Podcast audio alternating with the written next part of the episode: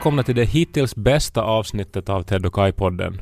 Med Ted Forsström och Kai Korkeaho.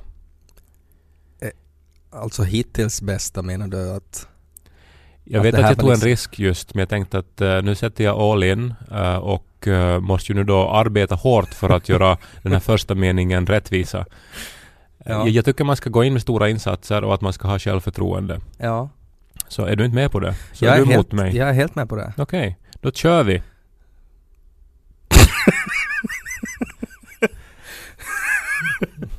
Men det här var ju... Det, var, det, var, det var, fanns ju inte ett ons äkthet i det där sista meningen som du sa. Nå, vi har aldrig riktigt varit de här typerna som kör, eller kör hårt. Nej, vi är inte riktigt heller sådana där som viglar, liksom så här publikuppviglare. Nej, vi har försökt någon gång, vi har uppträtt på olika ställen. Men det känns aldrig riktigt naturligt och det blir aldrig riktigt feststämning när vi försöker heller. Nej. Men eh, man är ju bra på olika saker. Mm. Däremot måste jag säga att jag känner eh, starkt och att, att jag älskar den här nya låten av humorgruppen Kai.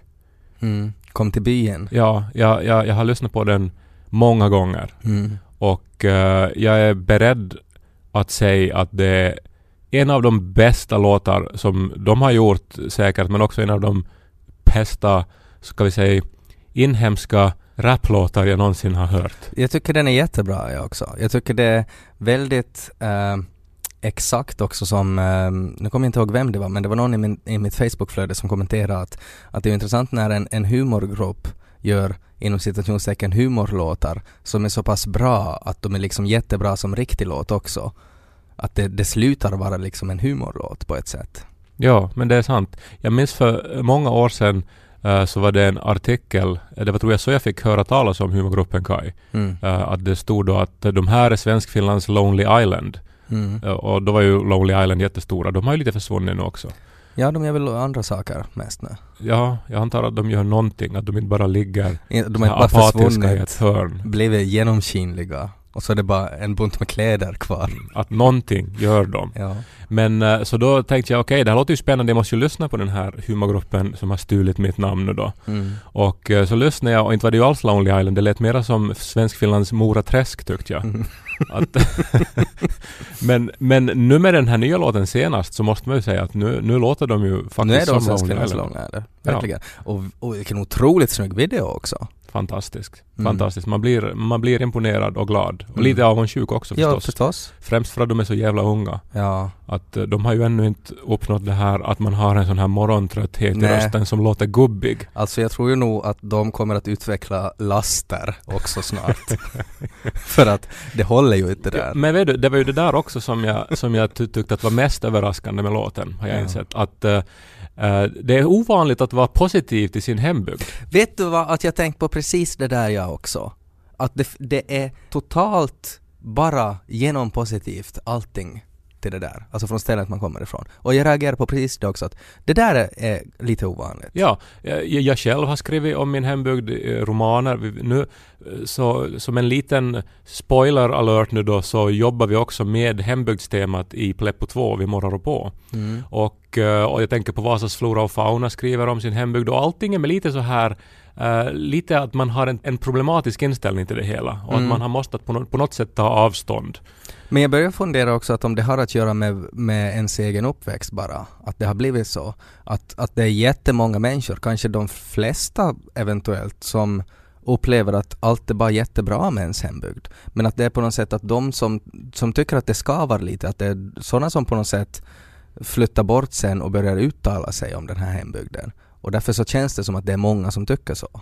Ja, i alla fall all- sådana som håller på med så att säga kreativa yrken som Mm. senare börjar på något sätt uttrycka sig, ha ett konstnärligt uttryck. Så de är ofta de som, som har ett sorts eh, en känsla av utanförskap. Mm. Och då speciellt kanske till sin hembygd. Mm. Och speciellt om det handlar om Österbotten. Exakt. Eh, Så det här är på något vis så väldigt fräscht nu då att det inte finns här. Ja. Men jag har undrat också, alltså, att, att, att är det så att eh, det att de nu är så osyniska och att de bara som helt kärleksfullt omfamnar sin hembygd. Mm. I och för sig så går det ju att ana också ironiska stråk i den här låten, men också det med kärlek. Mm. Eh, men om de aldrig blir cyniska, om de håller på så här, är det då man blir till ett byaoriginal sen?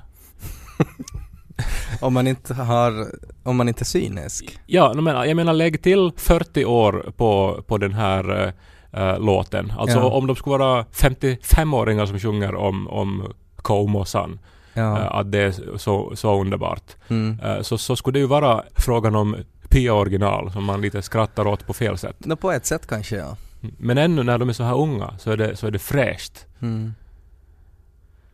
När blev du cynisk Ted? Det var nog ganska tidigt tror jag. Jag är ju ett mellanbarn och jag tror, och det är ju du också. Och jag tror att mellanbarn blir cyniska snabbare. För att man ser mera orättvisor. Du har varit det här lilla bror vilket är jobbigt i sig för att det är så många saker man inte får göra. Men sen så blir du också storebror. Men du är ändå en storebror för det finns redan en storebror.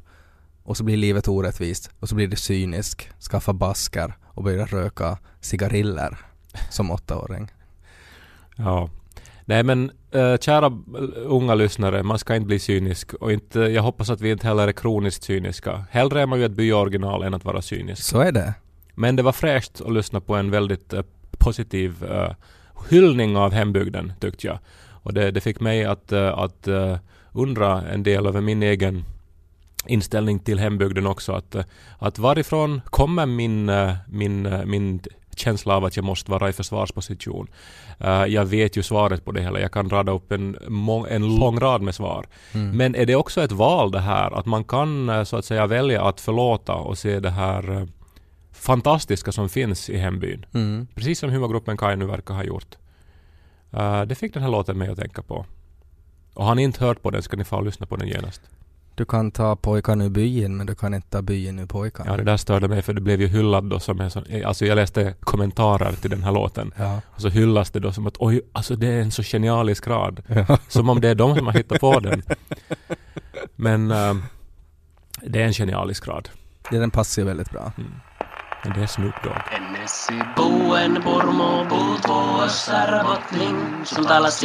Popna popnödena lys på Ted och Piss-sagan fortsätter. Förra avsnittet så pratade jag ju om, om det här att det, det luktar urin då.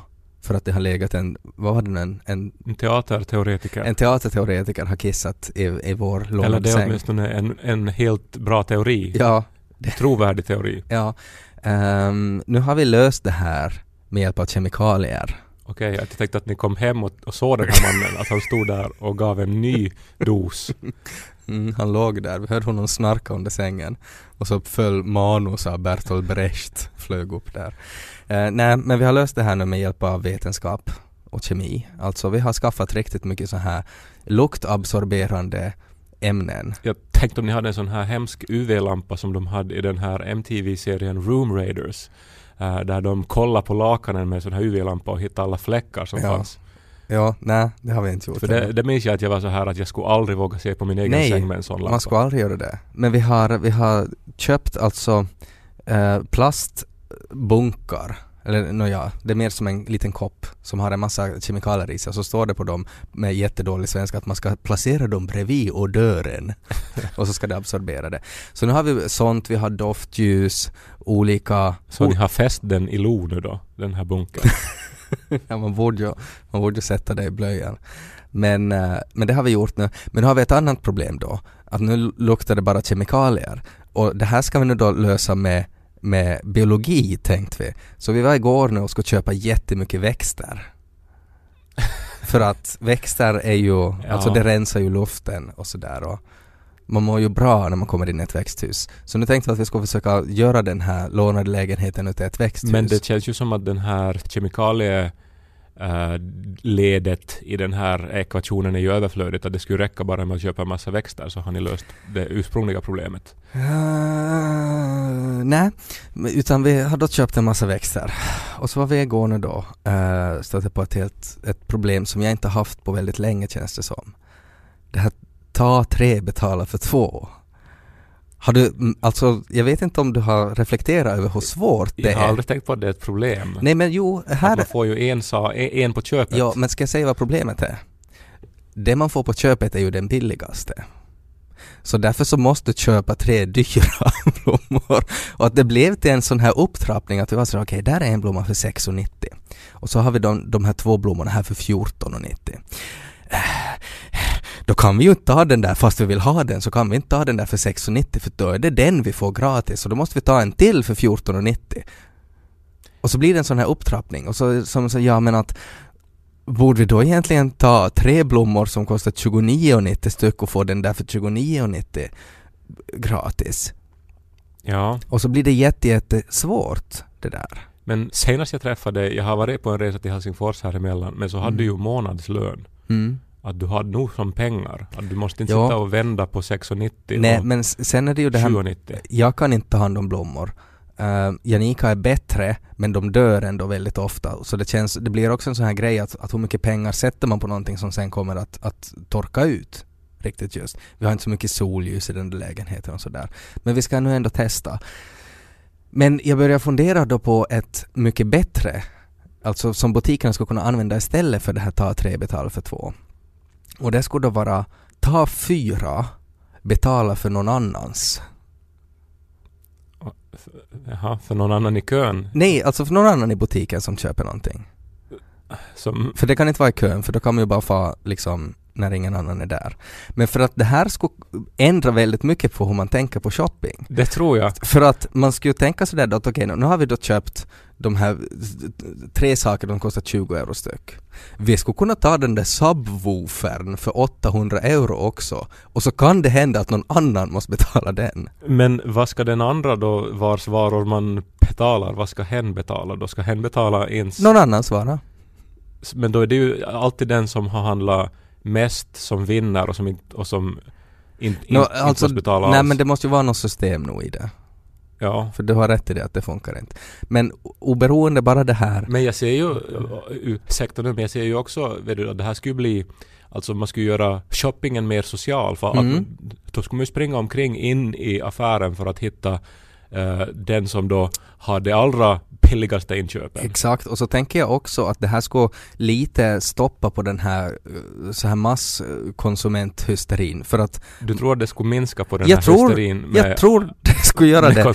Nej men bara det här för att, att när man går där då i butiken och så ser man då någon som köper då en sån här Jade dildo för 1200 euro. Så då får man fram till den typen, hej, vad om du inte ska köpa den där? För att det kan ju hända att jag hamnar och betalar den. Men jag tänkte här, alltså då ska man ju ta fy, så alla ska ju ta fy, fyra produkter, alltså det har ju nog brister det här. Jag vet, jag vet inte heller var fyra kommer ifrån. Men alltså, bara, vilka brister? nej men just för Nej, men att bara för alla att det ska kan inte gå vara- omkring med fyra produkter och leta efter någon som, som har en slickepinne. Jo Ja. men man ska inte få välja själv, det är ju det som är grejen. Alltså det måste vara någon sorts system. Så nu gör du det till ett lotteri ännu till. Ja men det, ja, men någon form av lotteri borde det väl vara. Ja, Kanske om man betalar lite till så ska man få välja själv vem sak man betalar. är det något annat man skulle kunna ha då? Ta, ta tre, donera blod. Skulle ju till exempel äh, Röda Korset kunna ha. Vad, vad är det man ska ta då? Äh, produkter. Som Röda Korset säljer? Bandage. Plåster. Alltså enda nackdelen med det här är ju att om det bara råkar vara en kund i butiken. Eh, men problemet är ju då, då köper man bara tre saker. Ja, nej men al- alltså att jag har, jag har hela mitt liv har jag, har jag ägnat åt att försöka förnya handeln. Mm. Och jag har undrat över mycket sådana här grejer. Mm. Det, är för att det är ju så, så mycket eh, nu för tiden som är månadsavgifter och så här. Ja. Eh, och en hel del, alltså det här... Det skulle det kunna vara att om man betalar en månadsavgift så då behöver man inte köpa någon annan sak. Ja, men att kommer det ännu att hända att man betalar så att säga en årsavgift till en, en av de här stora kedjorna och sen så får man handla livsmedel i princip obegränsat. Det Ja. kan inte vara obegränsat. Men på något sätt att man får fara när som Det är ju helst. konstigt att det inte redan har blivit så. För jag menar, om, om jag menar, låt mig nu ta pizzabuffé som exempel. Jag Ja, tar ofta det som exempel. Men det är ju sällan man äter så mycket som man betalar. Precis. Och, och liksom jag har tänkt så här att det skulle finnas skobufféer. Att man eh, för att i en För skoaffär hundar. betalar eh, en viss summa. Och sen så får man gå ut med, med liksom så mycket skor man bara vi, vill ha. Eller så ska det vara så där att man betalar inträde och så får man så får man alla skor som man lyckas få på sig. När du drar upp ditt ögonbryn på sättet som du gör nu så liknar du riktigt mycket Josef Fritzl. Du måste sluta säga jag, jag ser borde ha, Josef ja men när du gjorde sådär med ditt ögonbryn nyss, dina vildvuxna ögonbryn. Men hörde du min lysande skobuffé-idé just? Alltså du jag betalar du betalar ett inträde. flin. 18 euro betalar du och så får du gå in i skobutiken och så får du komma ut med så många skor du lyckas ha på dig. Men det, ja, ja på det sättet. Ja. Men ta fyra, betala för någon annans. Jag Ja. tycker vi kan, eh, vi kan slänga ut det här till, för jag antar att vi har en massa business-lyssnare. Jag tror vi har det. Och eh, ni får, jag menar inte kan vi måste göra allt själv. Nej. Ted har idén, får ni utveckla resten.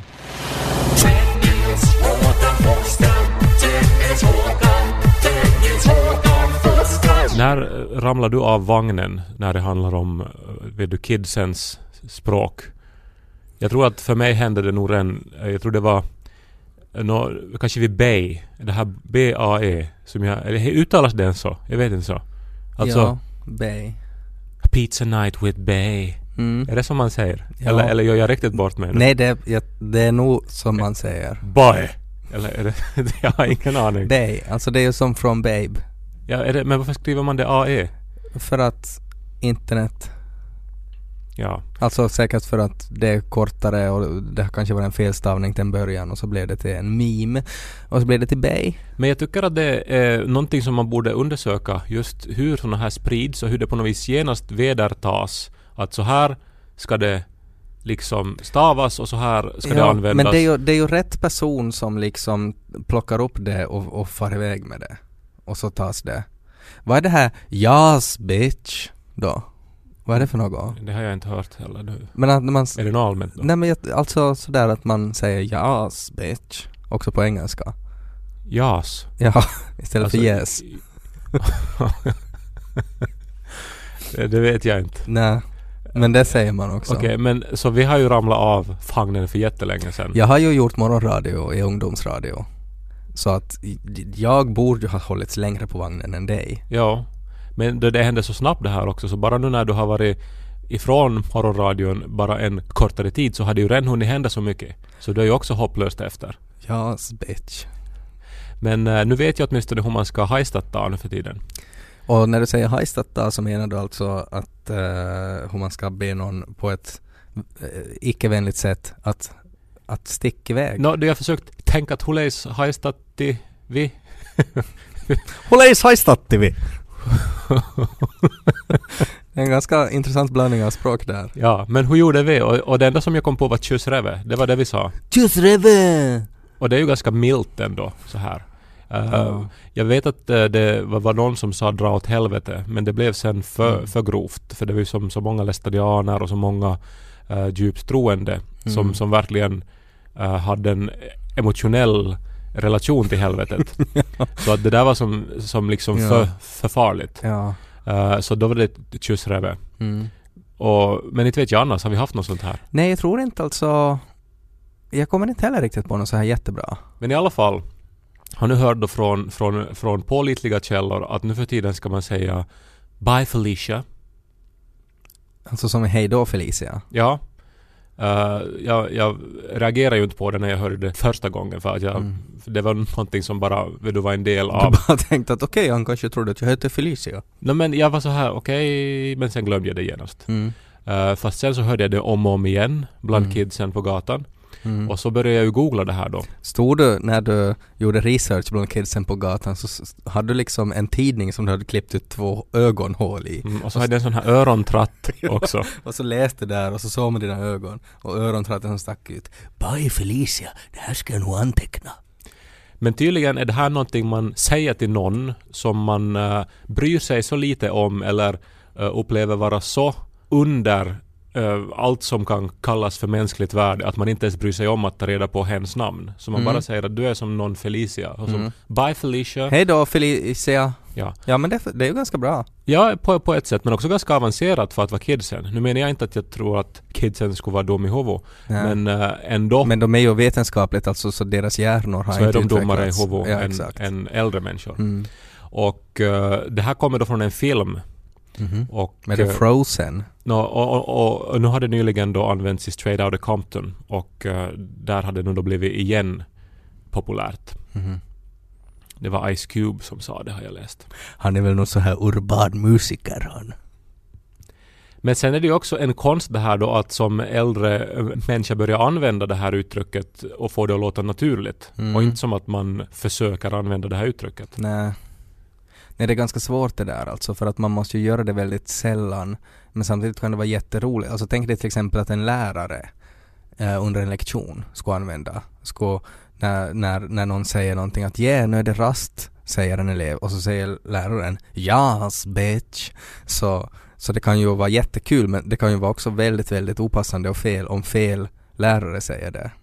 Ope kutsui mua huoraksi, säger de sen På finska ja. till, till, till mamma och pappa när Mm. de kommer hem. Mm. Men jag tycker det är ändå roligt när man så att säga hänger med. Mm. Och vet du vem som har hängt med nu också? Nå, Björn Wikström.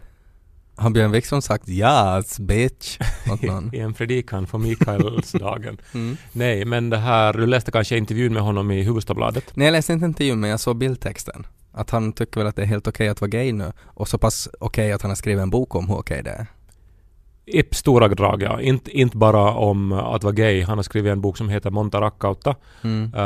F- Många kärlekar. ja, eh, som han har hållit på med länge och där han nu då vill inleda en debatt då med syfte att eh, förändra kyrkans syn på relationer, på kärlek, på äktenskap.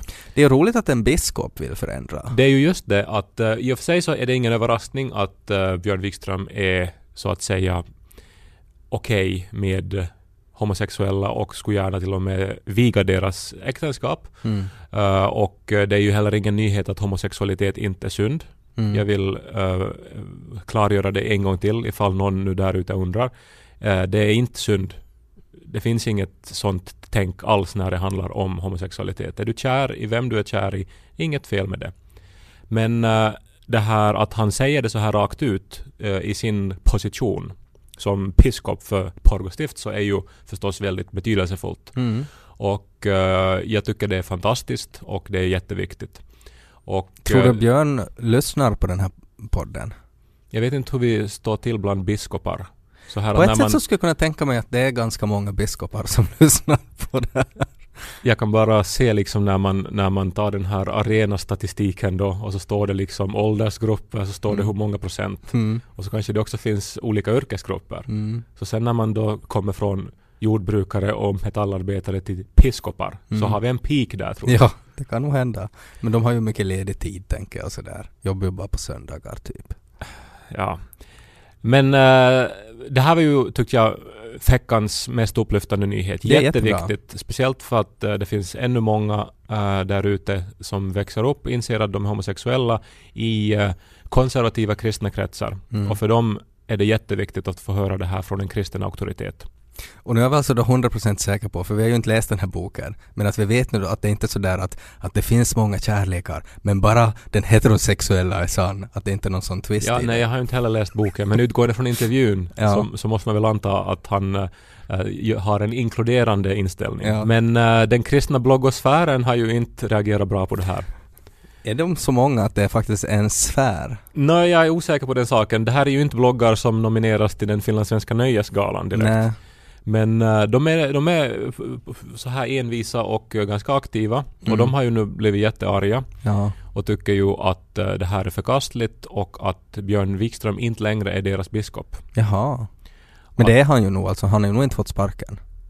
Ja, det är ju sant faktiskt. Ja, att han är ju nog deras.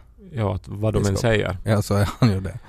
Jo, men de upplever sig alltså svikna av Ja. kyrkan då. Och eh, jag tycker ju det är otroligt ledsamt att man eh, gör en sån här sak till en dealbreaker. Mm. Det här har eh, verkligen ingenting att göra med det kristna kärnbudskapet. Och det här handlar bara om att se folk som likvärdiga och att eh, se kärlek som någonting fint oberoende i vilken form den kommer. Mm.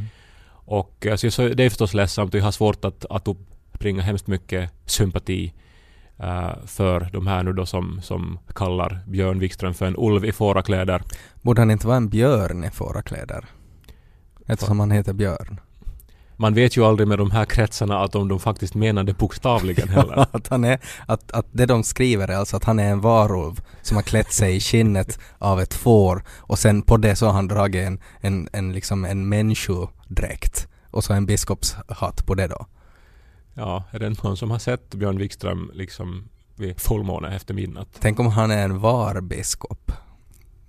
Att han var en helt vanlig människa men sen en gång så blev han biten av en biskop och alltid när det blir påsk så, så vaknade han upp i diket och så har han klädd sig i så här lila mantlar och sådär och så han vad har jag gjort, vad har jag gjort? Jag har ju, jag har ju predikat och, och vigit folk och, och hemskt den här skammen.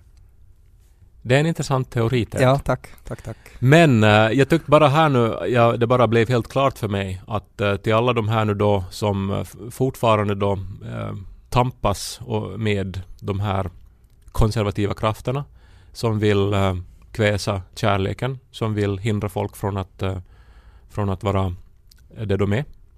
Så har vi ju ett uppenbart fantastiskt svar. Bye Felicia. Kairi,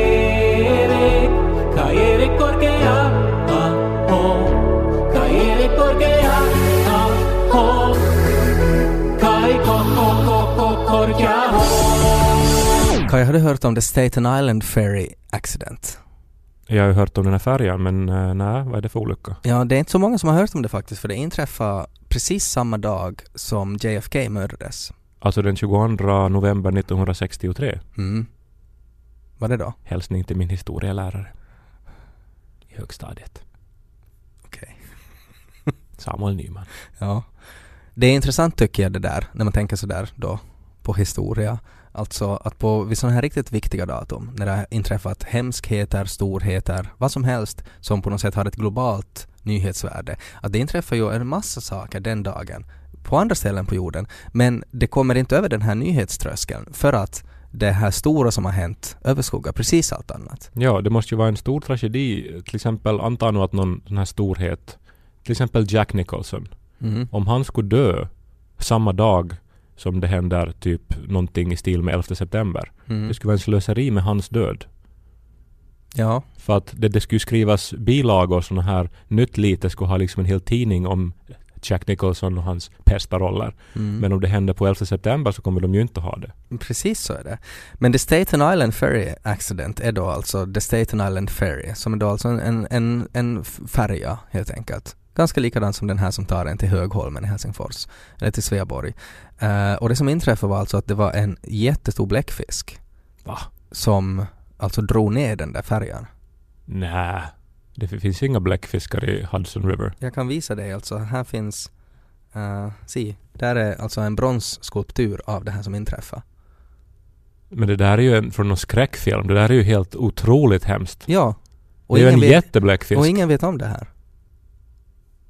Men det här måste ju vara från någon sån här MV-lähti du har fått den där screenshoten. Nej, alltså det roliga med det här är ju alltså att, att det är ju fake förstås. Alltså det har ju inte inträffat.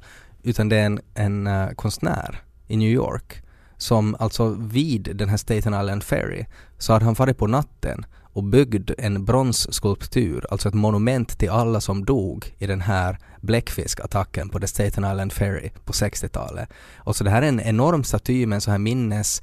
eh, vad heter det? Plakett? Ja. Eh, där det står liksom vem, vad som hände och, och, och hur hemskt det var. Och Men allting då, är lögn. allt är lögn. Ett konstverk. Ett konstverk, ett jättebra konstverk som ska få en alltså att fundera just som du sa, att det här måste vara hemligheter. Alltså att man ska fundera på det här idag, liksom att vad som är sant och vad som är falskt. Jag tycker bara att det är så jätte, jättecoolt det där. Alltså att han har på riktigt farit dit och byggt det där och tänk att om man skulle råka vara då som turist, stå där och se på, så, ja ja, där är Frihetsgudinnan då, att vad är det där för någonting? En Giant Octopus Attack, satan Island Ferry. Det är ju klart man skulle på något sätt tänka, just som du tänkte att nej men det här kan ju inte vara sant. Men om det inte skulle vara sant så hur ska de ha en så här massiv bronsskulptur då om det?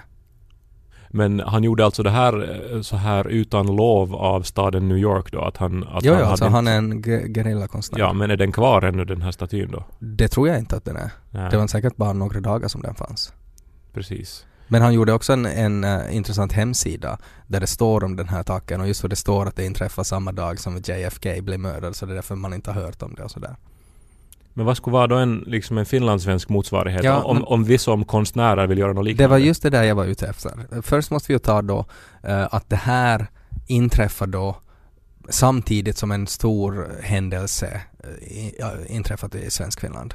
Okej, så samma dag som humorgruppen Kai släppte Tack och hej Mm.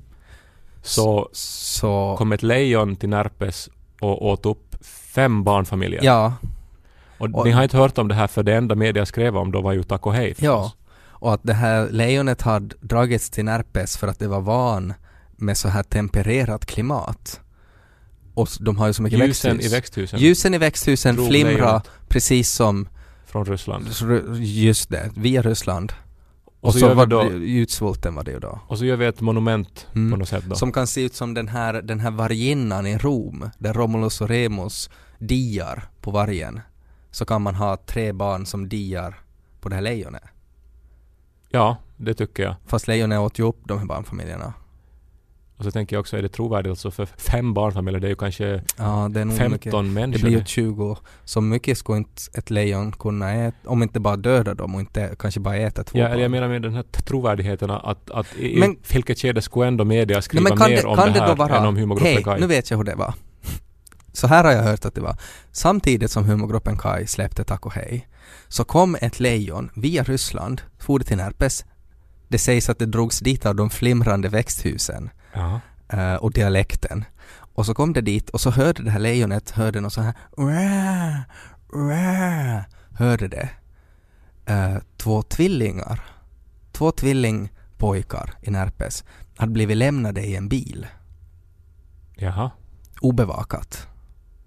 Och så? Eh, och så hörde det här lejonet de här och började tänka på sina egna lejonungar. Och så for lejonet dit, öppnade bildörren och tog de här barnen och gav di åt dem.